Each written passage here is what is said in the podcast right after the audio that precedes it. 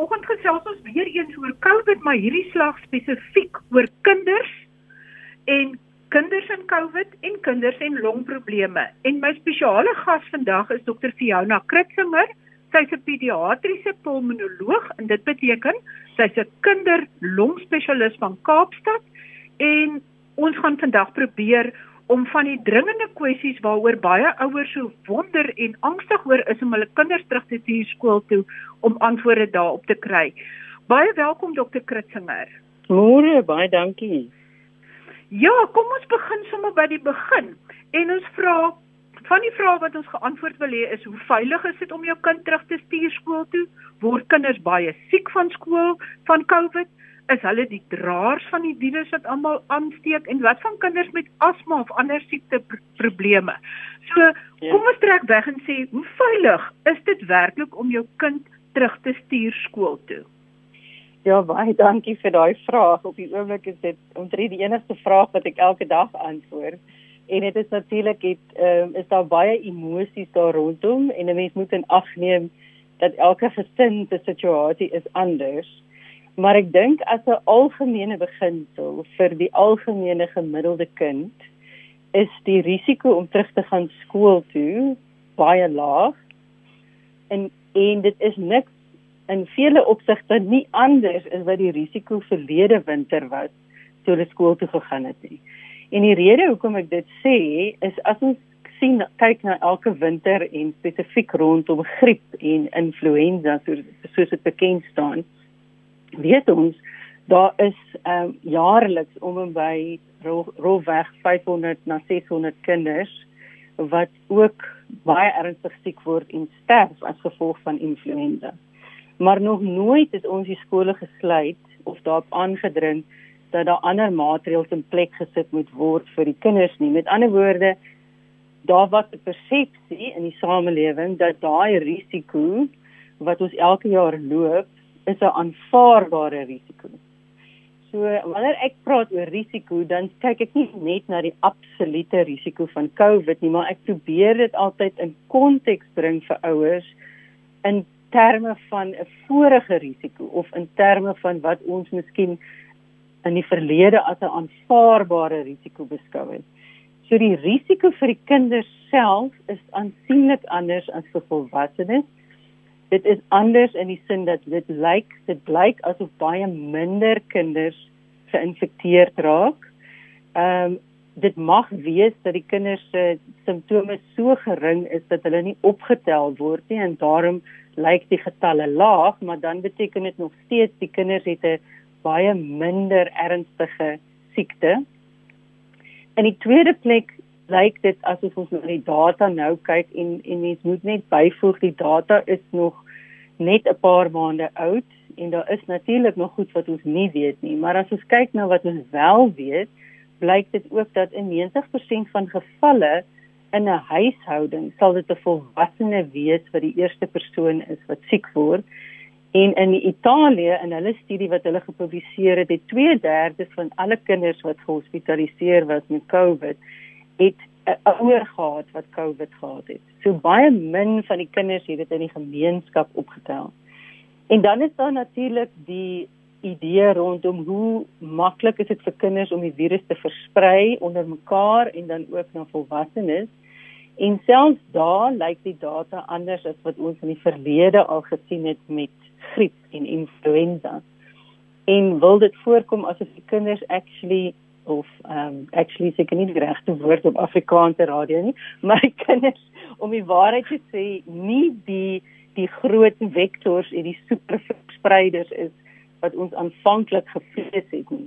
So die aanvanklike besluit om die skole toe te maak, dink ek was korrek, maar ek dink ook die besluit om die skool te heropen vir die gemiddelde kind wat nodig het om terug te gaan skool toe of dit nou is vir sy opvoeding en of dit is omdat sy ouers 'n uh, 'n uh, uh, belangrike essensiële werk het en hulle nie die kouers self kan versorg nie of omdat daar geen toesig is vir die huis nie en of die kind se gesondheid uh, of dit nou fisies of geestelik is in gedrang gebring word deur hierdie verlengde grendeltyd. Met ander woorde kan mens beantwoord in in in groter geheel gesien is die risiko relatief tot vorige winters nie betekenisvol anders nie, maar daarmee saam word daar maatreëls in plek gesit om daai risiko te verminder. So my gevoel is as jy daai maatreëls toepas, dan verminder jy die relatiewe risiko en daai relatiewe risiko was met te begin vir kinders nie veel anders as wat dit elke jaar is met griep nie. En ehm um, met ander woorde, as die kinders so ons het ietsie geleer die afgelope 5 maande van China via Italië en Spanje tot in Suid-Afrika het die wêreld nou ietsie meer geleer oor COVID-19. En ja. die een van die dinge is dat kinders is nie die superverspreiders van COVID nie. Korrek. So dit hulle lyk nie asof hulle die superverspreiders is nie eerstens. Tweedens is hulle verseker beskerm in terme van ernstige simptome. Hulle die heel laagste risiko vir ernstig siek word of krities siek word en die sterfte syfer is om die waarheid te sê aansienlik laer as met griep. So net om dit in konteks te stel in die in Amerika wat tans die meeste gevalle het, in dieselfde op dieselfde stadium van hulle griep normale seisoen griep epidemie was daar 161 kinders oorlede aan griep. En ja. in daardie selfde periode met COVID was daar 9 sterftes. Nou natuurlik elke kind se lewe is absoluut belangrik en elke sterfte is 'n tragedie. Maar ek dink dit is belangrik om in die media ook dit in konteks te plaas. Dat want al wat mens lees is die wat gesterf het of die wat krities siek is, maar dit word nie in 'n konteks geplaas om te verduidelik wat is dit gewoonlik nie. Byvoorbeeld, in dieselfde tyd in Amerika was daar 31.500 kinders wat gesterf het aan ander redes wat niks met COVID te doen gehad het nie. Met ander woorde, COVID was verantwoordelik vir 0.03% van die kindersterftes vanaf die eerste geval van COVID aangeteken is tot en met nou. So so met ander woorde as 'n mens na die absolute risiko kyk van COVID en die vrees wat in elke mens se hart en dit tyd ingeboesem is, is dit geweldig moeilik vir ouers om daai risiko op 'n manier wil ek sê vrede mee te maak of te, of dit te beskou as 'n relatiewe aanvaarbare risiko. Maar dan vra ek myself af, jy weet, elke ander winter, toe niemand twee keer gedink het om hulle kinders skool toe te stuur nie, wat was die kind se risiko toe? En wat maak die risiko nou meer onaanvaarbaar as in die verlede? En ek dink as jy net moet eerlik wees met jouself, dan is dit waarskynlik meer die bekommernis rondom indien die kind sou dan siek word bring die kind dan daardie siekte miskien huis toe na iemand wat kwesbaar is En natuurlik is die onderwysers geweldig bekommerd oor hulle eie persoonlike gesondheid. Maar ek het ook gekyk na Italië se syfers en dit lyk of daar eh, op die stadium wat die navorsing gepubliseer is dat daar geen kinders onder 19 gesterf het nie terwyl daar 80000 mense in Italië gesterf het was aan die een enkele kind wat dood is. Korrek. Nee, dis heeltemal korrek en en een van die grootste studies wat gepubliseer was in Europa oor oor gevalle wat bevestig was was 'n hospitaal gebaseerde studie. So dit het al reeds die die ernstige kinders geselekteer. Die wat geringe simptome gehad het, het natuurlik nie hospitaal toe gekom nie. En selfs in daardie groep van 168 kinders was daar slegs 2 wat 'n ICU sorg en ventilasie benodig het en die een was 'n erg premature baba en die ander een was 'n 2 maande oue baba met ernstige hartsiekte. Nou nou vir ons wat elke winter werk in hospitale en met kinders werk en in 'n kinder ICU werk, kan ek vir jou verseker ons sien dit elke winter en selfs baie meer. So die feit dat daar twee kinders wat wat geventileer moes word van 168 pre-geselekteerde siek kinders is 'n geweldige laagsyfer. En nog meer, beide van daardie kinders het herstel. So hulle het nie 'n enkele sterfte gehad in daardie spesifieke geselekteerde groep nie. En daai inligting het gekom van al die pediatriese afdelings in Noord-Italië waar die die grootste aantal gevalle was. So elke bietjie inligting wat ons tot ons beskikking het, of dit nou van China afkom en of dit van Italië afkom en of dit van Engeland afkom en of dit van Amerika afkom, elke studie sê dieselfde. 80% van kinders wat gaan siek word, gaan geringe simptome tot gematige simptome hê wat niks ernstiger is as wat hulle al in die verlede gehad het nie. En omtrent minder as 5% sal werklik siek raak tot die punt waar hulle suurstof sal benodig en minder as 1% en in sekere studies selfs 'n halwe persent sal kritieke sorg benodig. En die mortaliteitssyfer, die sterftesyfer vir daai groepie kinders is nog steeds geweldig laag. So die die data, die vrees dink ek wat in ouers se harte is, is nie omdat miskien as jy na die as jy objektief na die data kyk dit dit nie gerusstellend is nie, maar dit bly maar elke ouer se vrees, maar wat van my kind, jy weet, of wat van my gesin? En, maar dan moet ehm, el dan moet elke ouer maar elke winter ook bekommerd wees oor griep. Ja, nee, nee, wel dit is my argument. Ek dink wat anders is natuurlik hierdie winter en en da, dit is ook baie duidelik en dit is hoekom die hele wêreld dit anders hanteer as elke ander griep epidemie is die aantal gevalle wat gelyktydig kan siek word en watter impak dit het op die gesondheidsorg en natuurlik die die hoë mortaliteitssyfer vir, vir uh, individue ouer as 65 en dan die met uh, volwassenes met onderliggende siektes. Die interessante ding is as jy kyk na die data vir kinders, die oorgrootste meerderheid van kinders wat gehospitaliseer was vir simptome, met ander woorde, dis alreeds die wat meer ernstige simptome het. Ehm um, die minderheid by hulle het enige onderliggende probleem of siekte. So omtrent die beste wat ek kon sien is omtrent 'n kwart of minder self sou een of ander onderliggende betekenisvolle uh siekte gehad het. Maar twee uh 3 kwart van hulle is eintlik gesonde kinders met geen onderliggende probleme nie en dis waarskynlik waarom hulle ook dan soveel beter doen en waarom die mortaliteitssyfer soveel laer is. Wat is die rede hoekom kinders nie so geaffekteer word deur hierdie spesifieke virus nie? Is daar ja. al 'n is daar al 'n antwoord of 'n teorie oor oor hierdie uh, oor hierdie bevinding? Ja, daar is redelik baie teorieë. Um, niks daarvan is nog regtig klinkklaar bewys nie. Maar ons weet natuurlik dat kinders oor die algemeen baie meer virale infeksies kry en hulle hulle immuunstelsel is waarskynlik meer gewoond aan daardie gereelde virale infeksie. So dit is een teorie dat hulle miskien ehm um, nie so 'n geweldige immuunrespons het en daarom die sogenaamde sitokien storm beleef soos wat ons sien in volwassenes nie. Die ander teorie is dat ons ou kinders kry oor die algemeen koronavirus.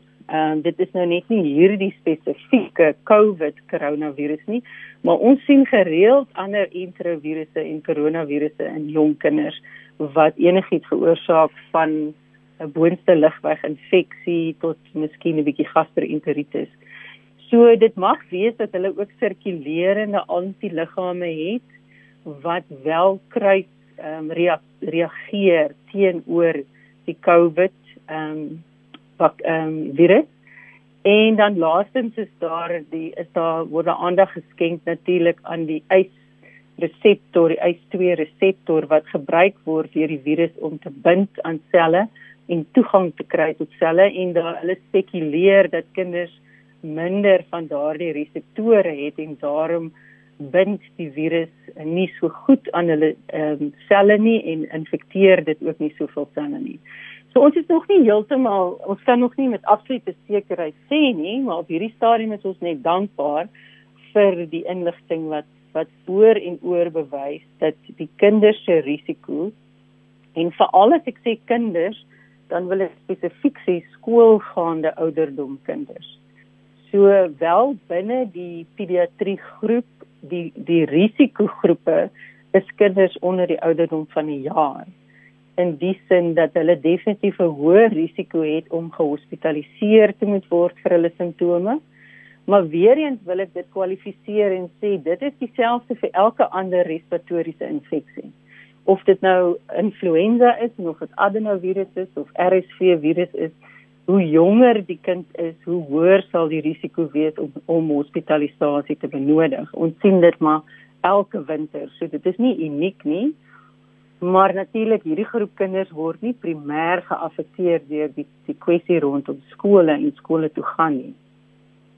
Ja, ek wil 'n vraag vra en dit is met ander woorde as die kinders eintlik op 'n manier deur gereelde blootstelling aan minder gevaarlike virusse eintlik 'n tipe uh immuniteit opbou is dit nie eintlik nadelig vir hulle om so ingeperk te wees en glad nie blootstelling te hê aan enige iets anders nie? Ehm um, um, ja en nee. Ehm um, ek dink 'n mens daar is natuurlik het ons as weet is daar is dit nodig dat ons in aanraking moet kom met patogene maar ons doen dit gewoonlik in 'n gekontroleerde wyse binne in 'n huishouding binne in kleiner familiesirkels ensovoorts. En soos wat ons wanneer ons gebore word is ons gewoonlik die jongste en die kleinste in die huishouding en die wat ander is rondom ons het alreeds 'n mate van immuniteit. So ons is beskerm. En dan soos wat ons kring groter word en ons begin kruip en loop en en meer sosialiseer word ons meer blootgestel en so oor tyd ontwikkel ons immuunstelsel So ek sou sê dat ja, alhoewel dit nie ideaal is om in 'n totale ehm um, borrel groot te word nie, sou ek ook nou nie sê dit is in tot jou voordeel as jy nou 'n jong kind argument onthaalwe na 'n dagsorg of 'n kleuterskool te stuur net sodat sy immuunstelsel moet ontwikkel nie, want dit was nooit die idee nie. As jy dink aan die evolusie in die mensdom, was ons nooit veronderstel om op die ouderdom van 1 of 2 in 'n klaskamer te wees met 30 ander 1-jariges of 2-jariges nie. Die gedagte was dat jy binne in 'n gesin groot word met kinders van verskeie ouderdomme en volwassenes. So ek is nie ek is nie so seer daaroor bekommerd dat 'n mens nou die kind se immuunstelsel totaal gaan verswak omdat hy nou in hierdie tydperk in die huis was nie. Inteendeel, sommige van die kinders wat voor die grendeltyd wel blootgestel was infeksies en en ouers kan daarvan getuig glo ek sou sien dat hulle kinders gesond geraak het in hierdie tyd by die huis en dat die kinders lanklaas so gesond was soos wat hulle nou is. En onthou met elke virale infeksie vir die eerste 2 tot 3 weke onderdruk dit wel jou immuunstelsel. So jy is meer vatbaar onmiddellik na 'n infeksie So ek dink om die waarheid te sê, die teen my argument is die grendeltyd was goed, die kort tyd wat dit was, was goed vir die meeste kinders want dit het beteken dat hulle almal die geleentheid gehad het om volkome te herstel van hulle voorafgaande infeksies en kwale en dat die meeste van hulle nog nooit vir 'n lang tyd so gesond was soos wat hulle nou is nie en hierdie tyd van grendeltyd wat verby was sou nie hulle immuunstelsel verswak het nie inteendeel op ehm um, dit en as dit iets sou gedoen het sou dit liewer verbeter het van aan die begin van die grendeltyd tot die einde van die grendeltyd. So ek ek dink nie daar's genoeg data om vreeslik ehm um, paniek te saai oor die impak op mense immuunstelsel weens isolasie nie. Ehm um, nie vir hierdie kort periode nie. Ek dink dit is 'n ander saak as jy nou vir 2 jaar in 'n grot gaan bly en dan eers daar uitkom maar dit is nou nie hoe die meeste gesinne funksioneer nie. So almal word nog steeds blootgestel, maar net in 'n gekontroleerde wyse. Dokter, ons het ook gehoor dat die simptome by 'n kind is bietjie anderste as by 'n volwassene. As 'n kind sou COVID kry, wat is die simptome waarvoor ehm um, mens moet uitkyk of bedag op moet wees? Ja. Ja, ek dink daar da, as jy sê dit anders, dan is daar 'n klein verskille, maar nog steeds 75% van kinders sal of 'n koors, 'n hoes en kort asem hê. So daai daai drie simptome bly nog steeds by verre die mees algemene simptome. Maar dan interessant genoeg is daar ook omtrent 10% kinders wat met braking en naait kan begin en dan omtrent dieselfde hoeveelheid wat wat wel ehm um, diarree kan hê. En, en dan is daar nou minder algemene goed. Ons het miskien al gelees van die die smaakverlies en reukverlies wat volwassenes ervaar. Ons sien dit nie eintlik so baie by kinders nie, maar dit mag dalk wees dat hulle nie, jy weet, te jonk is om vir ons te sê en dat hulle nie bewus is daarvan nie. Maar ek dink die groot belangrikheid bly maar nog steeds koors, alhoewel ek wil in dieselfde asem sê as jy kyk na sekere groepe, in party groepe het omtrent net 60% van kinders koors gehad en in ander groepe wat gepubliseer is was dit miskien nader aan 60, 70%. Maar dit met ander woorde, daar is nog steeds 'n kwart na 'n derde van kinders wat nie 'n temperatuur ag 'n koors hoef te hê nie. So 'n koors is nie 'n absolute noodsaaklike simptoom om om COVID te hê nie. Ehm um, en dan bly dit maar seer keel en hoes en kort asem en dan soos ek gesê die die ehm um, die naait en braking en diarree in die volwassenes lyk dit asof die die versin die die reukverlies en die smaakverlies nogal 'n baie spesifieke simptoom is wat ons nie van tevore al gesien het nie. En dan die ander ding wat interessant is is net die meeste ander uh, virale infeksies het het mense gewoonlik baie neussimptome. So dit sal begin met 'n loopneus of 'n toeneus. Maar dit blyk met COVID nie die geval te wees nie dat dit eintlik seldsaam is om 'n loopneus te hê as 'n simptoom van van die COVID veral in kinders. Ja. So dokter, as die kinders na skool toe gaan en hulle het nou maskers op en hulle moet nou uitmekaar uit bly, is dit regtig nodig dat hulle afstand moet hou van mekaar en maskers opsit? Wie ehm um, kyk ons weet dat om jou hande te was en om ehm um, om jou kans om blootgestel te word aan iemand anders se respiratoriese druppels gaan die verspreiding van persoon tot persoon verminder. En ons weet dit werk en daai daardie aspekte is waarskynlik werk die heel beste van alles wat ons het. Is dit wel om jou afstand te hou en jou hande gereeld te was en nie jou aan jou gesig te raak nie. So dit is 'n feit maar in dieselfde asem dink ek 'n mens moet ook redelik wees en rasioneel wees. Ek dink soos wat die jaargroepe by die skole ouer word en self meer begrip het en dit makliker word om daardie afstand te hou, raak dit 'n 'n werkbare oplossing en sou dit goed wees om dit wel voor te sit. Maar in dieselfde asem raak dit baie moeilik vir jong kinders en ek sien dit selfs in my spreekkamer die jonger kinders sukkel geweldig met 'n masker want die want of die ding sit nie reg nie of hulle probeer dit die hele tyd opskuif of afskuif so op die einde van die dag vat hulle eintlik meer aan hulle gesig as wat hulle sou gedoen het as hulle nie 'n masker aangehad het nie so ek dink 'n mens kan nie 'n 'n 'n resep hê en sê almal moet daardie resep volg nie. Ek dink 'n mens moet dit toepas in 'n spesifieke konteks waar dit sin maak vir die kinders. Ehm um, en ek dink in dit is in dieselfde tyd moet ons nie uit die oog uit verloor dat kinders ook vrese het nie en dat kinders ook ehm um, geweldige emosionele spanning kan ervaar ehm um, weens dit wat rondom hulle aangaan. So hulle neem hulle cues soos ons sê in Engels van die volwassenes rondom hulle. En ek dink dit is absoluut noodsaaklik dat wanneer kinders terug gaan skool toe dat dit in 'n ruimte moet wees waar die mense rondom hulle kalm is en rustig is en nie hulle vrese aanwakker nie, maar op 'n sinvolle wyse die risiko bestuur. En dit gaan anders wees vir elke situasie. En nie elke klas en elke klaskamer en elke groep kinders gaan presies dieselfde maatreëls kan volg nie.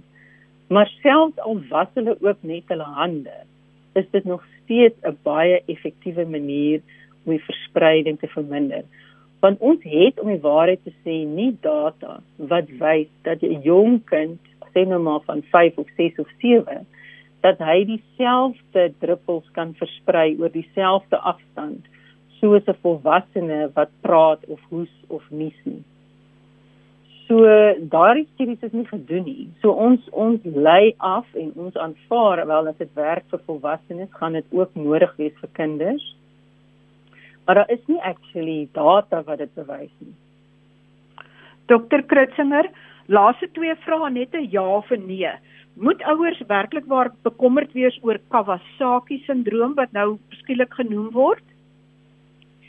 Nee, ek dink nie hulle moet bekommerd wees nie, ek dink hulle moet bewus wees en ehm um, as indien hulle daarvan as hulle daarvan lees en is bewus daarvan moet hulle dit bespreek met hulle dokter of by 'n ongeval uitkom maar dit is nie nodig om dit te vrees nie Kawasaki was nog altyd daar dit was nog altyd met ons die rede vir die vir die inligting wat versprei is was om dokters daarop attent te maak sodat ons daarvan bewus is en sodat ons dit korrek kan behandel Okay, en dan nie ouers moet dit vrees nie.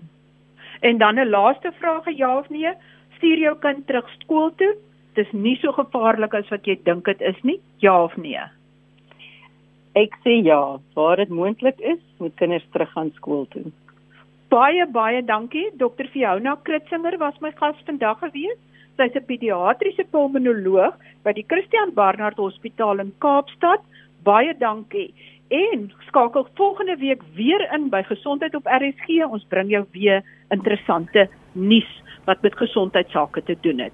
Groete van my, Marie Hudson.